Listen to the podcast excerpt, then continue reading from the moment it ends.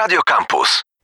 Naszym gościem już w studiu e, jest Małgorzata Mileszczyk z Pracowni Archeologii Podwodnej e, Wydziału Archeologii Uniwersytetu Warszawskiego. Czy to się zgadza? Wszystko się zgadza. Pięknie dziękuję. Dzień dobry, panie Franciszku. Dzień dobry, tak przede wszystkim. E, już raz mieliśmy okazję rozmawiać o archeologii podwodnej, y, ale myślę, że ten temat jest warty e, ponownego powtórzenia na antenie, e, bo właśnie, archeologia zawsze wydawała mi się czymś, co jest pewnego rodzaju tym bezpośrednim, powiedzmy, e, takim bardziej bezpośrednim rodzajem pracy naukowej nad historią, tak? Bo z jednej strony mamy historyków, którzy e, często zajmują się na przykład źródłami pisanymi, natomiast archeolodzy zajmują się już, no, właśnie tymi różnymi artefaktami, tak najprościej mówiąc. Natomiast mamy też właśnie archeologię podwodną, która jest, no, nie wiem, czy, czy możemy powiedzieć takim trochę no właśnie archeologią na sterydach. Tak, taką trochę ekstremalną formą archeologii, zgadza się, jak najbardziej. Archeolodzy, żeby nie było, też zajmują się źródłami pisanymi bardzo często, ale rzeczywiście w większym stopniu pracują w terenie. To ich odróżnia od, od historyków, którzy głównie pracują w bibliotekach na przykład, bądź w archiwach. To jest rzeczywiście pasjonujące w archeologii, że jest to rodzaj nauki, także studiów, nie tylko jak się zostanie potem na uczelni, który pozwala E, zwiedzić naprawdę kawał świata, jeśli się ma takie e, ambicje i taką ochotę. Tak więc jest to zdecydowanie kierunek studiów, na który zapraszam wszystkie osoby, które mają w sobie żyłkę nie tylko poszukiwacza i odkrywcy, ale także podróżnika.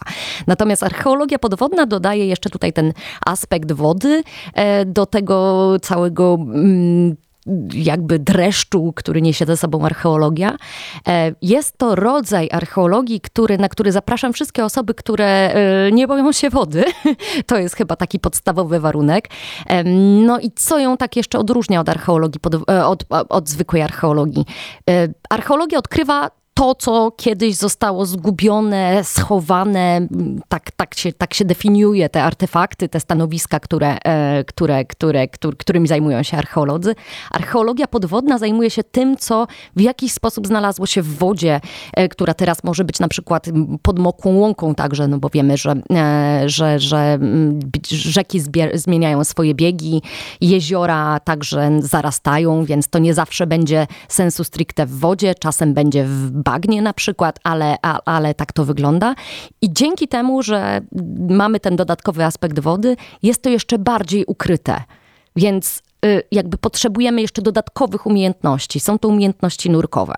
E, wybierając się na archeologię podwodną, trzeba mieć z tyłu głowy, że takie umiejętności nurkowe trzeba nabyć.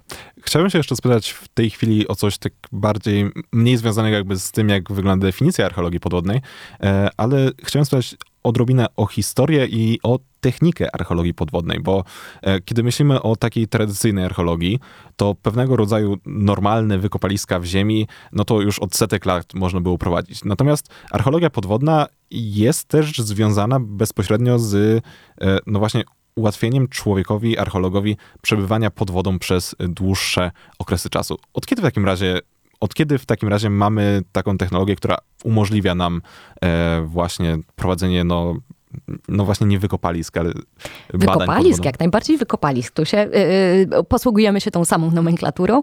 Yy, pierwsze epizody takie związane z archeologią podwodną, ale oczywiście trochę inną metodyką, to jest XIX wiek na przykład. Wcześniej yy, trzeba pamiętać o tym, że ludzie schodzili pod wodę też w celach na przykład wydobywania pewnych przedmiotów, które miały, były wartościowe. Dajmy na to. Zatonął statek bądź okręt wojenny wojenny, który przewoził albo miał na pokładzie działa, które były y, z różnych, z różnych metali na przykład i były bardzo, bardzo wartościowe, to y, jeszcze w średniowieczu wydobywano takie działa na przykład z użyciem dzwonu nurkowego, potem hełmu takiego klasycznego. Natomiast rozwój archeologii podwodnej wystartował, przyspieszył z, razem z wynalezieniem sprzętu do nurkowania tak zwanego swobodnego przez Jacques'a Cousteau, postać na pewno znaną e, bardzo wielu z Państwa. E, tak więc druga połowa XX wieku to jest taki e, wzmożony rozwój tej archeologii powiązanej z nurkowaniem. Chciałbym się teraz spytać jeszcze trochę mimo tego, że e, chyba rekrutacja już jest za nami na studia, ale jak to wygląda w takim razie na Uniwersytecie Warszawskim z tym szkoleniem się nowych archeologów? Jak szybko studenci trafiają właśnie na wykopaliska? Już na pierwszym roku można się zdecydować na odbycie kursu nurkowego. Nie odbywa się e, wewnętrznie na Uniwersytecie Warszawskim, ale mamy wśród naszych pracowników instruktorów nurkowania, którzy mogą takie kursy przeprowadzić albo skierować e, osoby zainteresowane archeologią podwodną do odpowiednich e, centrów nurkowych. I już po uzyskaniu pierwszych sznytów w nurkowaniu, czyli tak zwanego na przykład stopnia Open Water Diver, pierwszego stopnia, który się uzyskuje w, w swojej karierze nurkowej, można można wybrać się z nami na wykopaliska podwodne. Oczywiście to zależy na które wykopaliska, na te, które są prowadzone głębiej. Na przykład ja w tej chwili prowadzę badania mm, na 25 metrach. Tam zabieram już osoby trochę bardziej doświadczone, ale takie badania na przykład na, w, prowadzone w jeziorach e, i rzekach e, w Polsce to spokojnie już po pierwszym roku można z nami pojechać. Zapraszam, mamy bardzo dużo e, ciekawych zajęć i po polsku, i po angielsku, na studiach dziennych. E, z tego co wiem, na zaocznych w tej chwili nie, ale mamy także studium podyplomowe archeologia podwodna dla osób, które już zdobyły dyplom e, gdzieś na innych studiach. E, także dla osób, które są zainteresowane i nurkowaniem, i dziedzictwem kulturowym e, i chciałyby poszerzyć swoje horyzonty. I ta rekrutacja jeszcze trwa. Prawdopodobnie startujemy w październiku. Także o tym będzie warto pamiętać, jeśli ktoś, kogoś zainteresuje właśnie nasza rozmowa o archeologii podwodnej. Powiedzieliśmy już trochę ogólnie o archeologii podwodnej, e, czym różni się od e, archeologii zwykłej, archeologii tradycyjnej, może powiedzmy. E, natomiast jedną sprawą jest definicja. Chciałbym się spytać teraz o to, gdzie w takim razie działają archeolodzy podwodni z Wydziału Archeologii Uniwersytetu Warszawskiego. Czy ograniczają się tylko do Polski, czy, czy też wyruszają za granicę? Absolutnie nie. Oczywiście naszym głównym terenem działań jest Polska, gdzie, gdzie badamy zarówno stanowiska położone w rzekach, badamy, weryfikujemy, poszukujemy stanowisk położonych w rzekach, w jeziorach, działamy także w Morzu Bałtyckim. E, podobnie zresztą jak e, nasi koledzy z drugiego, właściwie to pierwszego, bo on był, istniał jako pierwszy e, uniwersytetu, który szkoli w zakresie, w zakresie archeologii podwodnej, czyli Uniwersytetu Mikołaja Kopernika. E, czyli to jest ten tutaj teren polski, jak najbardziej dla nas bardzo ważny, ale oprócz tego archeolodzy jak najbardziej mogą prowadzić badania za granicą. Najchętniej prowadzimy badania przy współpracy z jakimiś lokalnymi archeologami z innych krajów i w tej chwili dla nas, dla Uniwersytetu Warszawskiego, Wydziału Archeologii, będą to badania podwodne na przykład w Hiszpanii, na Balearach, o tym postaram się opowiedzieć Państwu, jak starczy czasu jeszcze na koniec. Magdalena Nowakowska e, z mojej pracowni także prowadzi badania e, w Zatoce Perskiej wokół wyspy Fajlaka, która należy do Kuwejtu. E, prowadzone są także badania podwodne w Chorwacji przy współpracy z Uniwersytetem to jest chyba Akademia Sztuk Pięknych w Splicie. Prowadzone są badania e, w Gwatemali. E, to nie są badania Uniwersytetu Warszawskiego sensu stricte, tylko badania e, Uniwersytetu Jagiellońskiego kierowane przez magister Magdalenę Krzemień, gdzie mamy, mamy szansę uczestniczyć jako badacze i jako studenci. Także prowadzone są badania, w tej chwili przymierzamy się do badań na Dalekim Wschodzie, konkretnie w Indonezji, gdzie mamy nawiązane współpracę, nawiązaną współpracę. W tej chwili e, pracujemy nad podpisaniem umowy. Mogłabym jeszcze e, wymienić kilka stanowisk, ale generalnie e, chodzi głównie o to, że możemy jako archeolodzy pracować także za granicą. Właśnie, wszystkie te wymienione przed chwilą miejsca na świecie brzmią prawie, znaczy kojarzą mi się głównie z miejscami, w których normalnie ludzie wyjeżdżają na wakacje i tam płacą grube pieniądze za to, żeby móc tam nurkować, a archeolodzy podwodni właśnie udają się tam w ramach swojej pracy, co jest bardzo ciekawe i myślę, że bardzo e, kuszące dla osób, które, e, które zastanawiają się no właśnie nad wyborem ścieżki naukowej dalszej. E, chciałem w takim razie, wrócić trochę bardziej do Polski. Gdzie w Polsce prowadzi się takie właśnie wykopaliska podwodne, w których częściach i, i może z jakiego okresu pochodzą te odkrywane artefakty, jak już coś się odkryje? Tak, właściwie pod wodą możemy w Polsce znaleźć wszystko ze wszystkich epok e, e, archeologicznych, począwszy od, od epoki kamienia. Wynika to z tego, tak jak wspominałam, coś mogło zostać zgubione, ale także wynika to ze zmian poziomu wody. Lustro wody w tej chwili z naturalnych powodów jest znacznie wyżej, tak więc e, na przykład osady neolityczne, które były na nabrzeżach jezior zostały zalane. Tak więc możemy mówić o stanowiskach z epoki kamienia, możemy mówić o stanowiskach późniejszych, aż po tak naprawdę późne średniowiecze. W tej chwili najważniejsze badania w Polsce prowadzone przez badaczy z e, Wydziału Archeologii Uniwersytetu Warszawskiego. To są prowadzone przez e, profesora Bartosza Kątnego badania nad e, jeziorem Lubanowo, które jest jeziorem, które, w którym w, w, w epoce, w okresie wpływów rzymskich deponowane były ofiary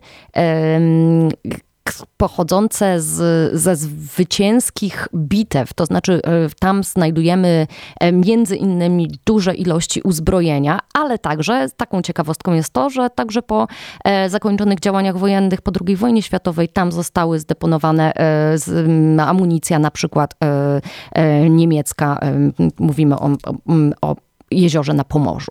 Oprócz tego takimi ważnymi badaniami dla Wydziału Archeologii Uniwersytetu Warszawskiego są wszystkie badania prowadzone na Mazurach.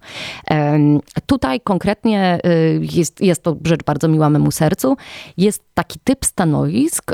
Są to stanowiska, są to osady, osady pochodzące z wczesnej epoki żelaza, czyli mniej więcej datowane do troszkę więcej niż 2000 lat temu, może 2,5 tysiąca lat temu. E, był to niesamowity, y, nie, nie, nie, niesamowite przedsięwzięcie jak na tamte lata, bo to były osady budowane na sztucznych wyspach. Te wyspy były w sztuczny sposób usypywane. Przypuszczamy, że y, w trakcie tego, kiedy jezioro było skute lodem, e, na obszar płytkiej zatoki były przynoszone kamienie, żerdzie, belki, ziemia i to wszystko się potem zapadało, kiedy lód topniał. Na tym układano platformy i na tak utworzonych sztucznych wyspach budowano osady. Dlaczego tak robiono? Nie wiemy ciągle do końca. Przez wiele lat było, były te osady określane jako obronne. No nie jest do końca tak, że jak zbudujemy coś z drewna na jeziorze, to jest to tak bardzo obronne, bo łatwo jest e, o, no, o zapuszczenie ognia. Zresztą mamy dowody na to, że część tych osad spłonęła. Natomiast uciekać już nie jest tak łatwo. Być może przeważała tutaj bliskość wody, być może możemy mówić tutaj o jakimś takim oddzieleniu od tego, co się działo na lądzie, być może oddzielenie sakrum od profanum. Może były to w jakiś sposób miejsca luksusowe dla osób, które mm, miały wyższy status społeczny.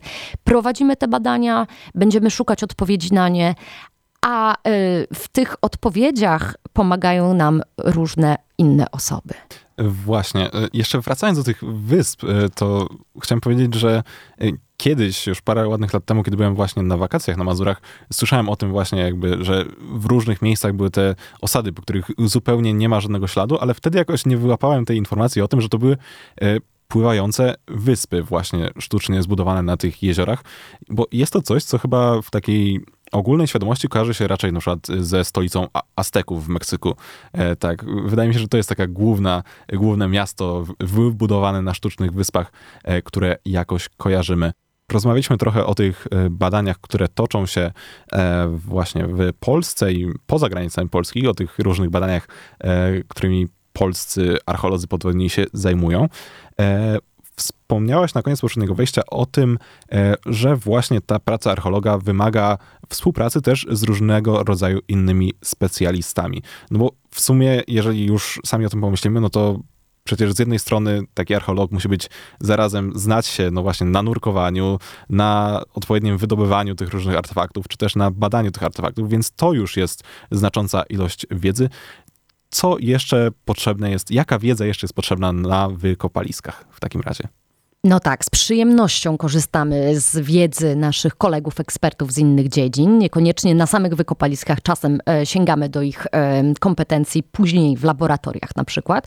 Chyba najłatwiej będzie mi odpowiedzieć na to pytanie na podstawie badań, które, które sama prowadzę.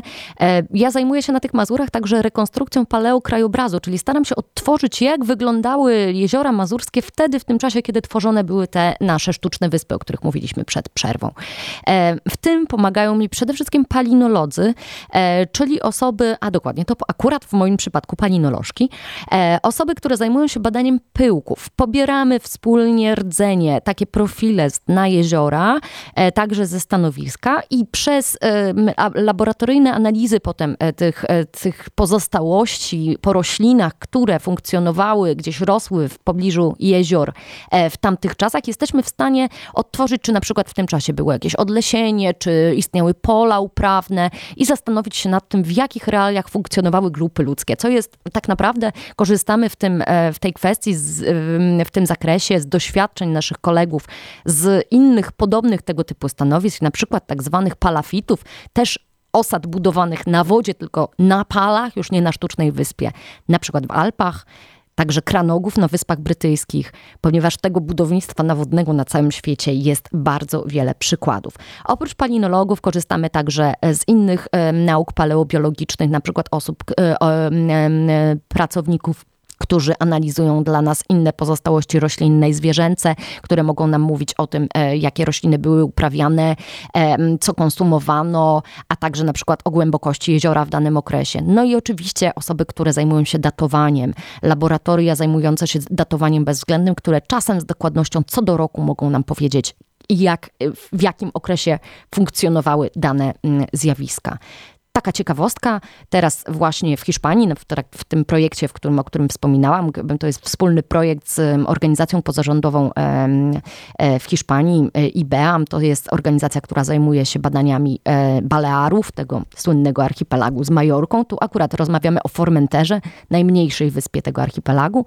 Tam pracuje razem z podwodną konserwator zabytków, bądź też konserwator zabytków podwodnych. Jest to osoba, która konserwuje zabytki w miejscu zalegania. Nie wyciągamy ich spod wody, tylko tam właśnie przygotowujemy. Na co przygotowujemy? Przygotowujemy na to, żeby nurkowie e, pod specjalną kuratelą lokalnych centrów nurkowych mogli ten wrak odwiedzać w przyszłości. Jest to poniekąd taka ścieżka, którą powinniśmy ubierać jako archeolodzy. Udostępniać te stanowiska dla państwa, dla tych, którzy chcieliby je odwiedzać na różne sposoby, nie tylko pod wodą.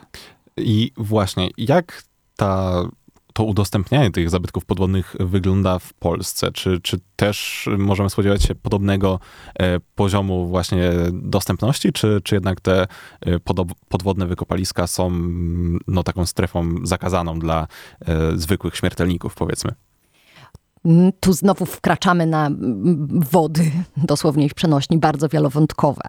Z jednej strony niestety w Polsce jest ta y, niechlubna tradycja wynoszenia na przykład z wraków na Bałtyku pamiątek, y, coś co nie powinno mieć nigdy miejsca, jest działalnością nielegalną, e, więc jest taki, mm, takie, tak, taka mm, uf, zawahanie ze strony archeologów i konserwatorów, urzędników, czy udostępniać lokalizację wraków, czy one nie zostaną zdewastowane, ale jednak, jeśli ich nie udostępnimy, jeśli nie będziemy edukować, a to udostępnienie jest y, pewnym rodzajem edukacji, to nigdy w życiu nurkowie i inni ludzie nie dowiedzą się, jak, y, jak powinni traktować te zabytki znajdujące się nie tylko na lądzie, ale i pod wodą.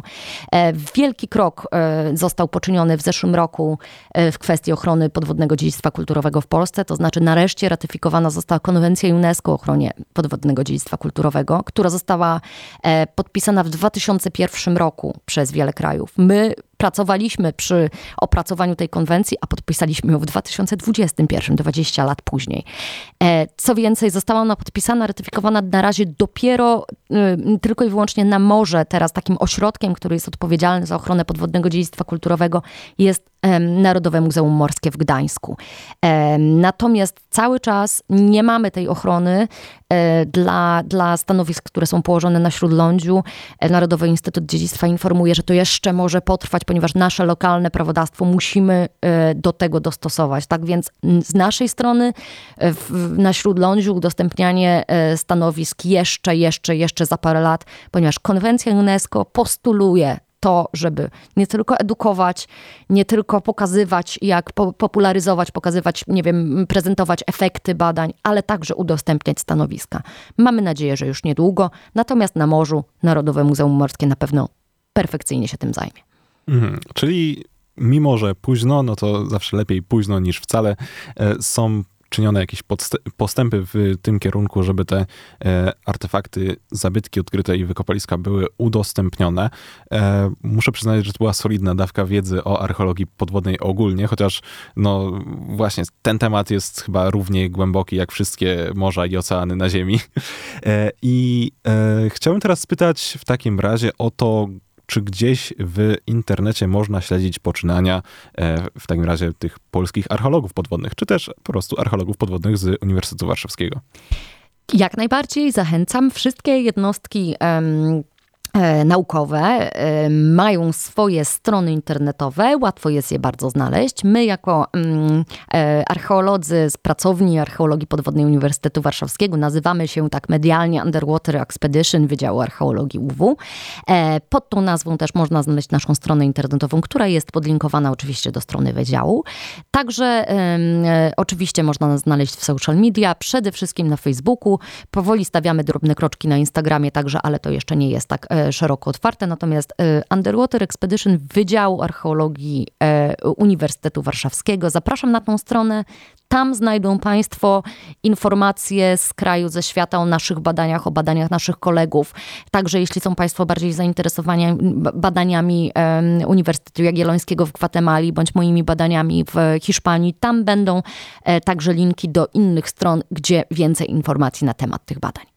I w takim razie do tych stron już odsyłamy. E, na razie na temat archeologii podwodnej na antenie Radia Campus to będzie tyle, ale myślę, że do tego tematu na pewno w przyszłości jeszcze wrócimy. Naszym gościem w audycji była Małgorzata Mileszczyk z Instytutu Archeologii Podwodnej e, na Wydziale Archeologii Uniwersytetu Warszawskiego. Serdeczne dzięki za rozmowę. Bardzo dziękuję i z chęcią przyjdę raz jeszcze.